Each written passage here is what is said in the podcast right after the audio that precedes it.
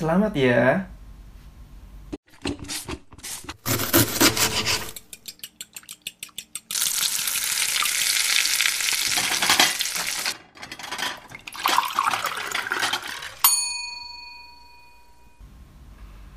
Dua belas, dua belas.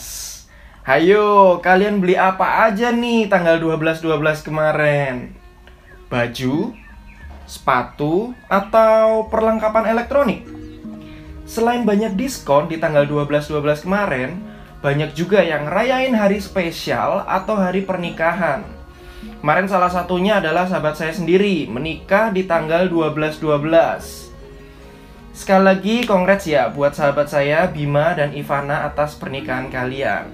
Semoga langgeng sampai maut memisahkan.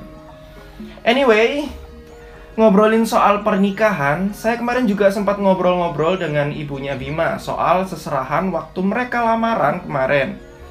Karena setahu saya sih, setiap hal yang ada di seserahan itu ada artinya masing-masing. Nah, kebetulan yang kita bahas kali ini adalah seserahan di adat Jawa kita nggak akan bahas apa aja benda-bendanya karena akan terlalu banyak sekali. Tapi kita akan bahas makanan apa aja yang jadi seserahan dan artinya. Yuk, kita mulai aja langsung. Yang pertama ada wajik.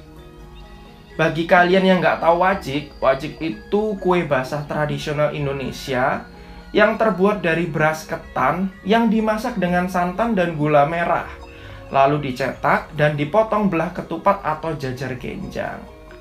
Nah, kalau orang Jawa nyebutnya sih wajik. nah, kenapa wajik? Pembuatan wajik membutuhkan proses yang sangat lama dan membutuhkan kesabaran. Diharapkan calon pengantin bisa menghadapi badai rumah tangga mereka dengan penuh kesabaran. Wih, mantep banget ya. Oke, yang kedua ada jenang. Kalau jenang tahu dong ya. Ya, jenang terbuat dari tepung ketan dan tepung beras yang dimasak dan diberi gula merah. Kalian tahu nggak kalau membuat jenang itu biasanya nggak bisa cuma satu orang.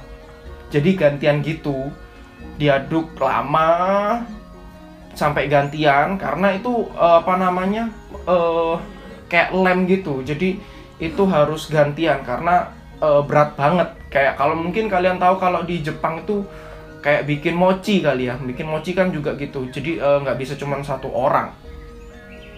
Nah itu diaduk lama sampai jadi seperti lem. Nah proses dari pembuatan itulah diambil filosofi bahwa membangun rumah tangga diharapkan bisa gotong royong dan saling membantu satu sama lain. Nah, kayak mungkin kalau uh, umpama kata apa adat Jepang itu mungkin mochi kali ya yang diganti apa namanya dari jenang itu diganti mochi kali ya. Ayo, siapa di sini yang waktu pacaran udah saling mendukung? Patut dipertahanin tuh doi. Next, ada jada. Jada ini mirip seperti jenang, tapi tidak memakai tepung beras dan gula merah.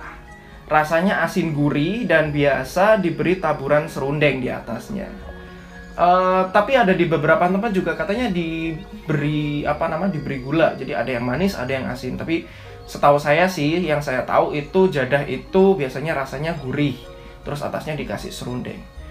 Nah, jadah dianggap sebagai simbolik kerekatan dalam rumah tangga jadi, meskipun pasang surut dalam kehidupan rumah tangga, suami istri diharapkan bisa lengket terus kayak si jadah ini. Waduh, udah kayak perangko ya. Nempel terus. Nah, siapa di sini yang nggak tahu kue lapis? Jajanan tradisional yang warna-warni itu loh. Tapi beda ya sama lapis legit. Kalau lapis legit itu uh, apa namanya? Uh, lapis-lapisnya lebih tipis-tipis terus dia uh, lebih seperti kue terus biasanya ada apa namanya di, ditambahkan uh, buah prunes biasanya nah balik lagi ke kue lapis jadi uh, kue lapis itu biasanya warna putih dan coklat atau juga sering diberi pewarna lain seperti hijau atau merah. Jadi uh, macam-macam lah. Kalau misalnya kita ke pasar jajan pasar tuh ada yang biasanya merah sama hijau sama putih atau merah sama hijau ada yang putih sama coklat nah variasi. Macam-macam. Nah rasanya manis gurih dan kenyal. Nah, kue lapis sendiri bermakna keakraban saya kurang tahu ya kenapa kok disebut sebagai keakraban mungkin mungkin nih ya mungkin karena dia uh, nempel gitu kan akrab gitu ya dua warna jadi satu Berikutnya ada lemper. Nah, kalau yang ini pasti familiar nih sama kalian. Saya saya pribadi juga suka banget nih sama lemper. Lemper itu dibuat dari beras ketan yang dimasak dengan santan dan rempah. Lalu di bagian tengahnya diberi isian ayam suwir. Biasanya ayam suwirnya e, rasanya manis, terus si apa namanya si lempernya, si apa namanya ketannya itu rasanya gurih karena teksturnya yang lengket-lengket, diharapkan calon pengantin bisa lengket terus sampai kakek nenek. Nah, next ada kue ku atau biasa disebut dengan kue tok. Nah, kalau uh, saya sendiri biasa saya lebih paham namanya kue tok karena dia tuh dicetak ada cetakannya gitu kan. Di, di ditaruh di cetakannya habis gitu di dihentakkan gitu kan. Bunyinya kayak tok gitu jadi namanya kue tok. Nah, kue yang berwarna merah ini dalamnya berisi kacang hijau. Jadi kayak uh, kacang hijau yang diambil dalamnya aja dimasak pakai gula jadi rasanya tuh manis biasanya di atas cetakannya berbentuk kura-kura kue ini sebenarnya merupakan pengaruh budaya Tionghoa kalau etnis Tionghoa biasa menyebut dengan angku kue Ang itu berarti merah dan ku itu berarti kura-kura. Nah, kue ini memiliki simbol kemakmuran dan kebahagiaan.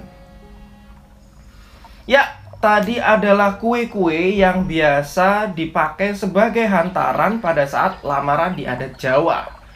Mungkin food lovers lebih tahu nih uh, apa namanya mungkin lebih tahu ya bisa bisa nih menambahkan uh, kira-kira eh uh, kayaknya kue ini juga nih dipakai di adat Jawa gitu kan. Kalau diperhatikan ya, bahan dasar dari semua panganan di atas itu basicnya itu pakai tepung ketan atau beras ketan yang mana hasil makanannya itu jadi lengket-lengket gitu ya kan. Dan menurut saya sendiri nih, inti filosofi dari semua panganan di atas adalah untuk merekatkan hubungan suami istri hingga maut memisahkan. Ya, itu kan apa namanya? setiap setiap apa namanya filosofi itu kan memiliki harapan-harapan bagi apa namanya orang-orang yang uh, mengamininya gitu kan. Oke, sekian dulu podcast kita hari ini tentang hantaran kue. Share ke teman-teman kalian kalau podcast ini bermanfaat. Akhir kata saya Aldo, pamit undur suara. See you in the next podcast. Cok cok.